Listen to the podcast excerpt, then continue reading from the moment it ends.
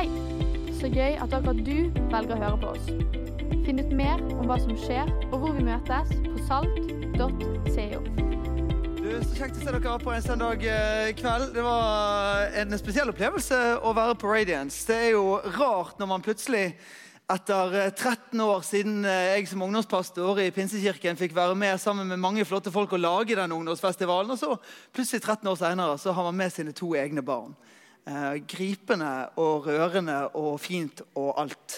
Eh, og se Noel og Milja kose seg masse på leir. Så jeg har lyst til å si også et hjertelig tusen takk til alle som var med, med å skape den helgen. Eh, og mer av det i årene som kommer. Altså. Det, det, det, det der eh, frister å gjøre til et sånt første helgen i måneden-arrangement. Jeg tenker det. Jeg bare, jeg bare, jeg, vi går fra årlig til månedlig. Jeg nominerer, bare legger det på bordet der, så kan han eh, tenke over det. Kanskje ikke Samuel og Ingvild burde være med fra A til Å hver eneste gang, men, men sånn passelig. passelig. Du, Denne måneden her så, så sier vi eh, 'Veien til Jerusalem', eller og legger ut på en liten reise. Det Denne måneden her er, har det litt sånn rare ved seg at den kan bli en sånn mellommåned. Starten av året så har vi eh, forventninger og energi, og det er masse som skjer i januar. og Vi tar det litt med inn i februar.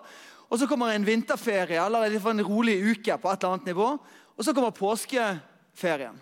Så Mars har det der ved seg at det kan bli en sånn mellommåned. Men jeg har lyst til å invitere deg til å gjøre, tenke om denne måneden ikke bare som en mellommåned, men kirkeåret snakker om det som en fastetid. En forberedelsestid. En tid av fordypning, av fornyelse, av friskhet.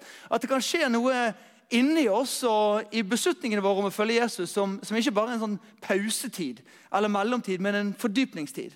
Og eh, ja, takk til bibelleseplan. Det synes jeg er en kjempegod idé å gjøre. Håper du fikk skannet den, eller så slenger vi den opp på skjermen der eh, etter gudstjenesten også. Og Målet da er å, å kunne lese et lite kapittel. Nærmest, eh, jeg tror det er et halvt kapittel cirka. Vi starter i Lukas 9. Og så fullfører vi første påskedag. Hvis du blir med fra onsdag av, når smågruppene samles, så blir dag 25 når planen er ferdig, blir første påskedag liksom eksakt. Så det ønsker at vi kan gå sammen, smågrupper lese sammen, eh, bokollektiver lese sammen, og finne ut hvordan den eh, pilegrimsvandringen kan se ut. Ikke bare Jesus som er på reise til Jerusalem med en forberedelse, men vi kan delta på den reisen med vårt trosliv også. Så ikke tenk at du bare er mellom ferier. Tenk at det kan skje noe meningsfullt midt i mars.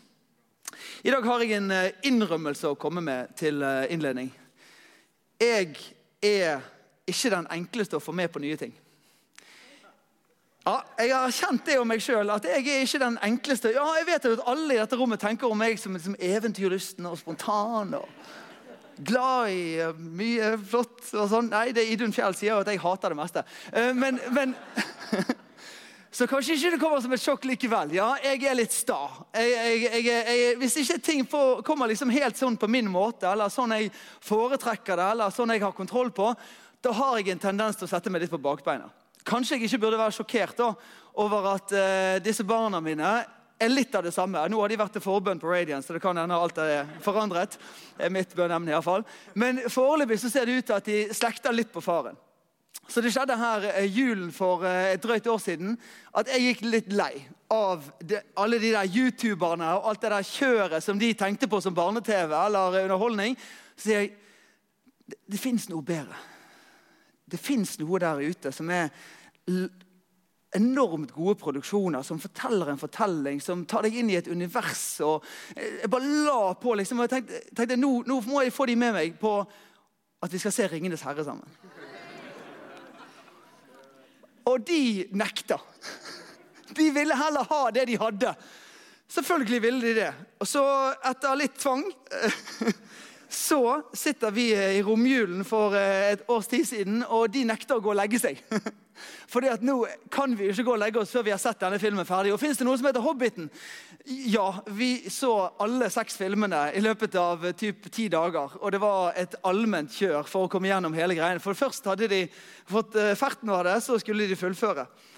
Og kanskje det ble litt sånn for meg også, at når jeg først liksom skjønte at dette her er ålreit, så er det jo faktisk ganske ålreit. Da kan til og med Daniel ta på anorakken og trives på, i Furedalen med eh, en glow in the dark lue. som jeg ikke helt vet hvor eh, Jeg følte at jeg sto litt ut i omgivelsene der. Det skal jeg helt ærlig innrømme. Hvis noen har en sånn urnorsk lue til meg, så tar jeg imot den. Men se hvor fornøyd jeg er. Hæ? Det kalles for bottom up learning. Det kalles for uh, det at det er sånn for ikke bare meg, sannsynligvis, men for mange av oss at det er ikke alt vi liksom bare hopper på med en gang. Noen ganger så trenger vi å gjøre oss en erfaring, noen ganger trenger vi å oppleve det før vi tror på at det er verdifullt. Før vi vet, skjønner at det er gøy, før vi tenker at det er viktig, så må vi ha erfart det. Og det er ikke bare bare i uh, det å skulle få noen unger med på å se på 'Ringenes herre'. Det er ikke bare bare å få meg opp i Kvamskogen når jeg egentlig hadde lyst på asfaltvinterferie og kafé-slabberas her i Bergen sentrum. Men ære være Rikkelina for at hun også har litt tvang i sitt ekteskap.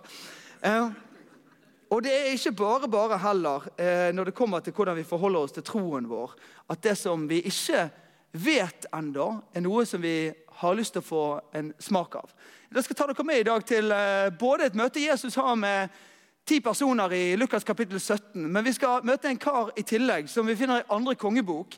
Han er en velstående syrisk general. og Disse elleve har til felles at de får et tydelig hint om at det er verdt å stole på Gud. Men så reagerer de litt ulikt i de situasjonene de havner i. Vi skal se litt på hvordan eh, det reaksjonsmønsteret er å følge deres møte med Elisha og med Jesus. Først denne Naman. Naman i andre kongebok, kapittel 5. En ansett soldat, masse rikdom. Masse eh, celebritet rundt Naman. Han er en sånn vellykket general som har ledet syrerne til masse vellykkede eh, krigsseire. Ja, pasifist der, sivilarbeider. Greit. Og så havner han i en kaotisk situasjon, for det begynner på huden hans å vokse byller. og han mer og mer skjønner at han lider av den sykdommen som heter eh, spedalskhet. Og Da er situasjonen for han han må isoleres. Han mister åpenbart jobben sin, mister muligheten til å være tjenestegjør i militæret og må bo for seg sjøl. Altså, de mer fattige spedalske måtte bo utenfor landsbyen. Han er jo tross alt så velstående at han bor, bor i en egen del av huset, men er på mange måter isolert. Så står det om Naman at han har en eh, kone, og, hun har, og blant tjenestepikene i huset så er det en som er fra Israel. En som sannsynligvis da har blitt kidnappet, bortført til det de har vært på et eller annet tokt. Og så har hun kommet og er tjenestegjør i det huset. Og Hun hører om Naman og denne sykdommen som han har. Så sier hun hjemme i landet der jeg kommer fra, der er det en mann som kan helbrede sånne ting som det der. Jeg har sett og hørt at det er hendelser hjemme i mitt land der det, folk blir helbredet fra å være spedalsk. Når man får høre om dette fra konen sin og tenker at dette, dette må jeg prøve ut. Så han sender et brev til kongen i Israel og sier Kjære konge, jeg hører om eh, dette og dette som kan skje. Kan jeg få lov å komme? Men kongen i Israel han tenker at dette her er en sånn en lurebrev. Han tenker at dette her er egentlig bare et brev som blir sendt for å teste ut om kongen i Israel er parat, eller om han er klar for en ny krigsinvasjon. Så kongen river brevet.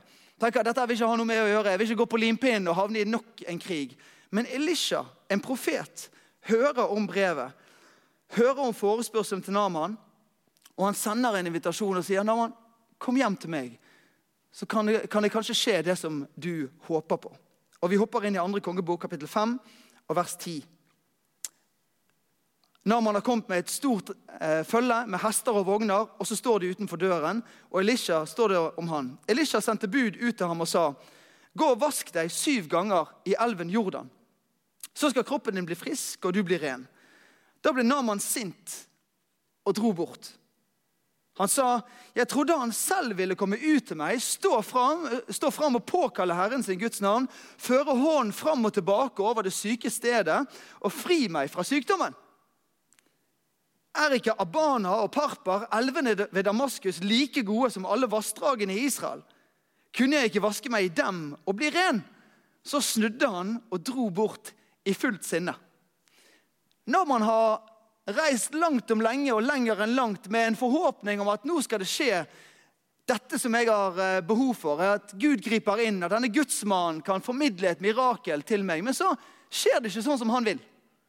Det skjer ikke sånn som han hadde sett for seg at det skulle skje. Det blir en annen greie, og det er ikke noen som kommer ut og legger hendene på ham. Men han skal gå og dyppe seg inn i elva. Han tenker dette gidder jeg ikke. Han blir sint og drar av gårde. Hopper vi frem til Lukas 17, noen hundre år seinere, så står det igjen om ti karer som er plaget av denne hudsykdommen, som er spedalske. Jesus han er på vei til Jerusalem. Det sier Lukas stadighet. og er det denne destinasjonen som Jesus er på vei til. Så blir han stoppet. Stoppet av at disse her roper av full hals. For de har sett at Jesus kommer på vei inn til landsbyen. Så ser de han, og så begynner de å rope fordi at de hører rykter om at han har gode nyheter å komme med. De roper følgende.: Jesus, mester, ha barmhjertighet med oss. De spør på en måte ikke konkret om å bli helbredet. Det skulle man jo gjerne tro. Men det våger de kanskje ikke, eller det blir de ikke så spesifikke rundt. Men de spør denne Jesus ha barmhjertighet, ha medlidenhet med oss. Og Jesus er ikke vanskelig å be. Men samtidig så svarer han på en måte som kanskje er litt rar. Sånn som Elisha ikke gikk ut og la hendene på Naman, sånn som Naman forventet og på mange måter krevde, så går ikke Jesus bort til disse ti og legger hendene på dem og sier 'bli frisk'. Han sier heller 'gå og vis dere for prestene'. ikke det er en litt rar replikk? Her er disse her som ber om medlidenhet, og så får de beskjed om å bevege seg i en helt annen retning. Og Hvorfor er det ekstra rart? Jo, det er jo fordi at det man skulle gjøre hvis man skulle vise seg for prestene, var jo etter at man hadde blitt frisk.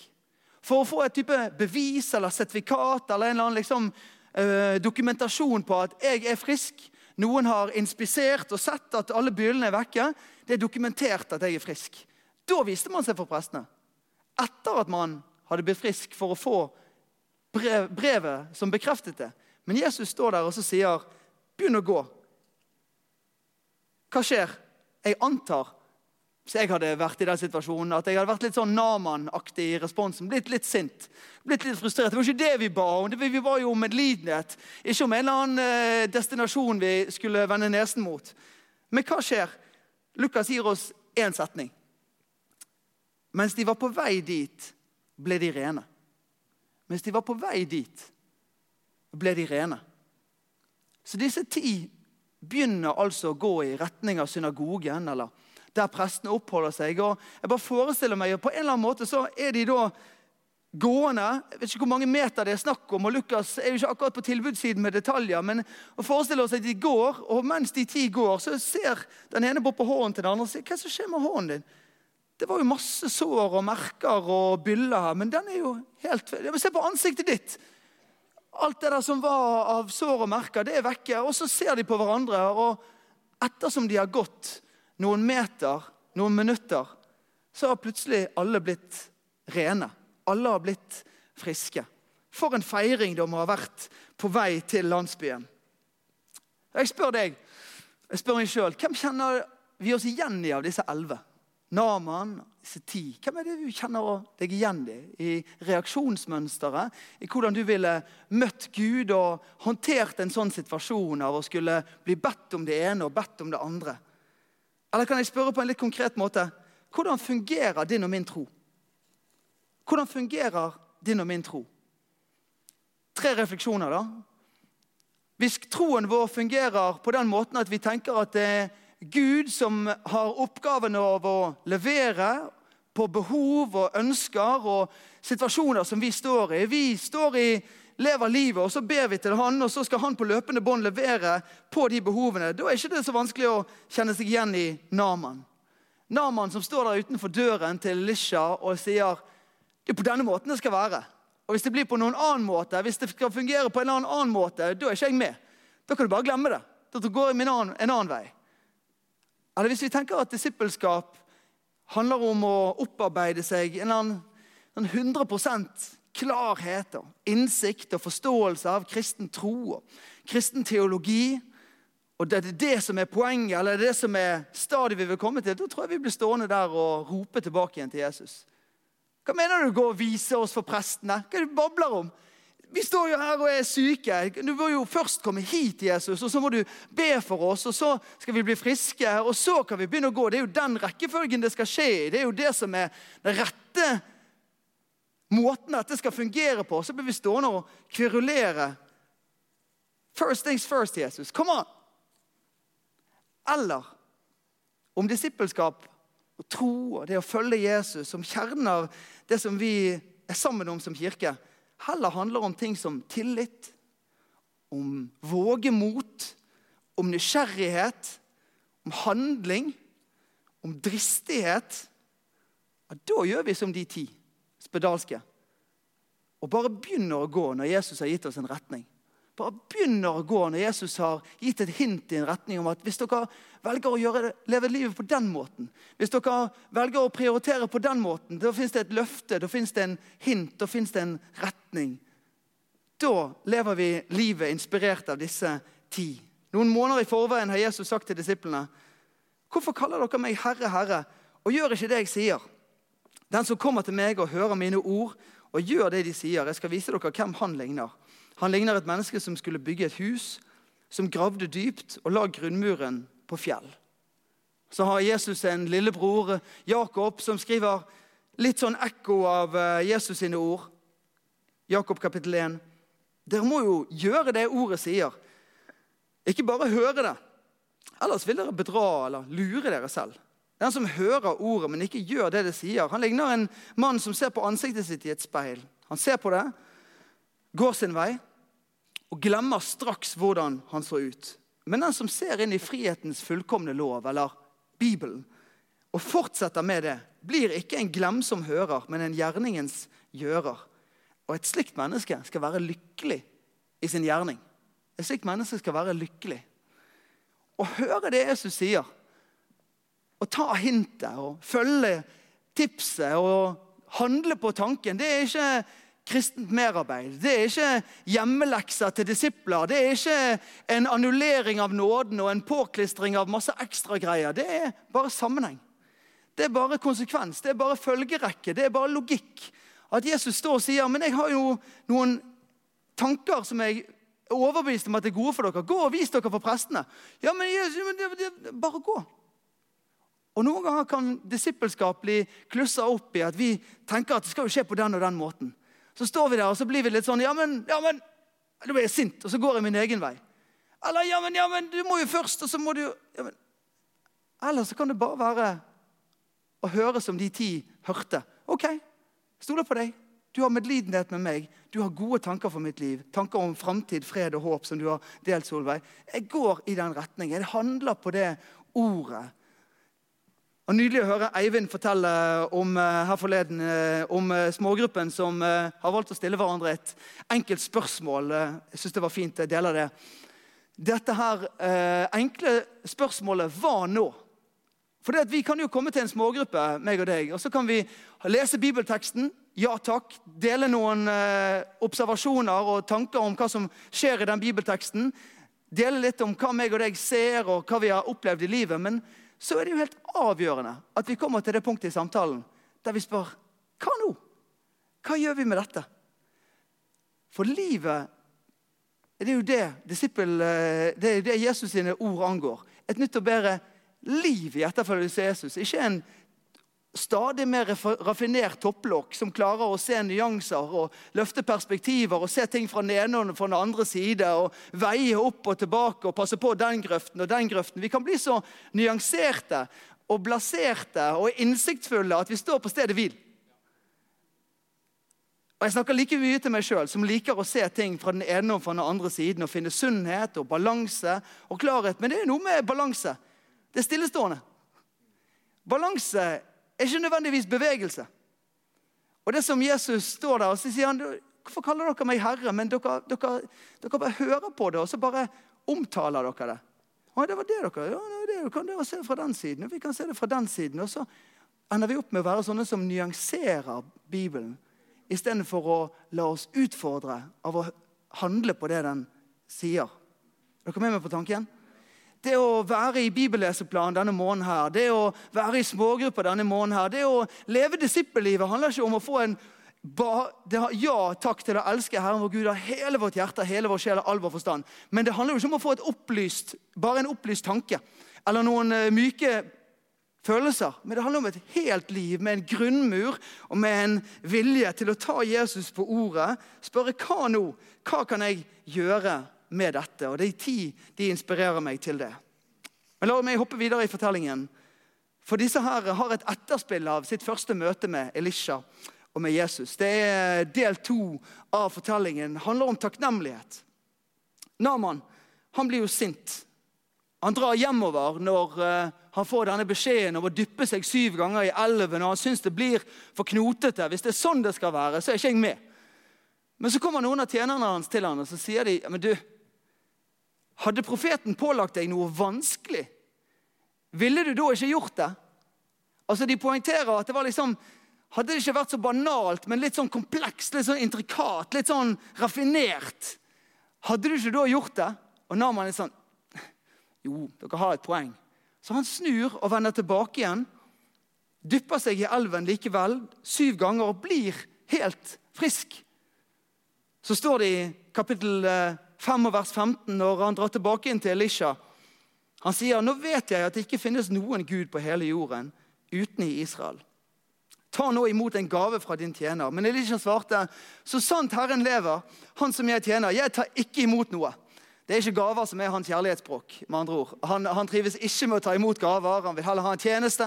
En kompliment. Kanskje du kan ta ut søpla på vei. Det hadde vært nydelig. Naman. Eller kanskje du kan, kan, gi meg litt kvalitetstid. Jeg vil ikke ha noen gaver. Det er jo ikke det som er poenget. Men han, Elisha sier det er jo ikke meg du skal takke. Det er jo ikke meg som skal få en gave her. Jeg har bare pekt deg i retning av han som er giver til all god gave.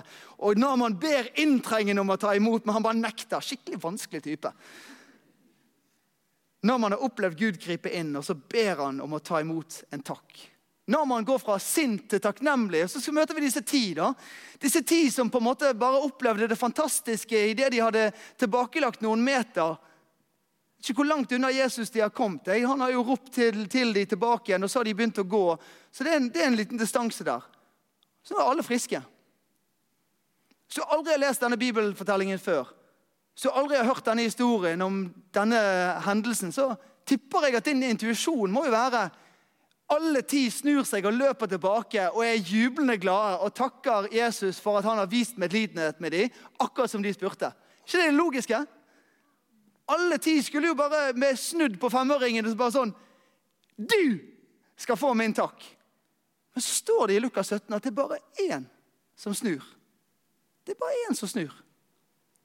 Alle de andre ni det ble sånn, Oi, det var voldsomt. Og så fortsetter de videre inn i solnedgangen. Men den ene han snur og kommer tilbake igjen, faller på kne foran Jesus, lovpriser Gud med høy røst og sier takk. Og Jesus spør litt sånn retorisk Jeg vet ikke hvilken stemmeleie han ligger i, men han spør ble ikke alle ti rene. Hvor er da de ni? var det ingen andre enn denne fremmede, denne samaritaneren, som vendte tilbake for å gi Gud æren. Og han sa til han, 'Reis deg og gå. Din tro har frelst deg.' Hvordan tenker du om din egen evne til å vise takknemlighet? Du skal gjøre en liten sånn self-assessment eh, der du sitter. Hvordan tenker du om din egen evne til å være og vise takknemlighet? Eller for å si det på en annen måte, hvor mange ganger sier du takk? Sånn any given day any given week. Hvor mange ganger du, tenker du at ordet 'takk' kommer ut av munnen din? Det er et vanskelig ord, og et lett ord. Det å faktisk bestemme seg for å, å være takknemlig. Hvorfor er det vanskelig? Takknemlighetens motsats, eller En av den største fiendene av takknemlighet er jo stolthet. Stoltheten som sier 'jeg trenger ikke si takk'. Det er jo fortjent det. Det er min rett. Det er min rettighet. Det er jo noe som jeg har krav på. Det er noe som eh, jeg eh, hadde kommende min vei. Det er jo ikke meg, oppgaven min å takke. Det skulle bare mangle. En annen måte å si det på er det engelske ordet 'entitlement'. Å være entitled. Jeg gjorde en eh, artig oppdagelse. Jeg fant ut at entitlement, eller det å være entitled, det er et av de ordene som kjennetegner millennials aller mest. Folk som er født på 80- og 90-tallet. Men jeg våger meg å inkludere liksom litt opp og ned i alder. Hva betyr det å være entitled? kjennetegn, det er å tro at man fortjener spesialbehandling. Det er å ha en følelse av at man fortjener mer enn det man har i livet akkurat nå. Det er å føle at ens egen personlige behov kommer foran alle andre sine behov. Og når noen ikke møter ens egne behov, så lager man en stor scene ut av det og lager masse drama ut av at ikke min situasjon har blitt levert på. Det er å ikke være takknemlig for det man har. Kanskje du syns det er litt voldsomt, kanskje du synes det er litt påståelig å bare slenge ut en sånn generasjonstype uh, uh, greie. Men enten du kjenner deg mye eller lite igjen, så har jeg lyst til å snakke om takknemlighet. Praksisen av takknemlighet de siste minuttene. Jeg tror at du og meg kan gjenkjenne en følelse av at mye som kommer vår vei, er bare noe vi tenker at vi fortjener.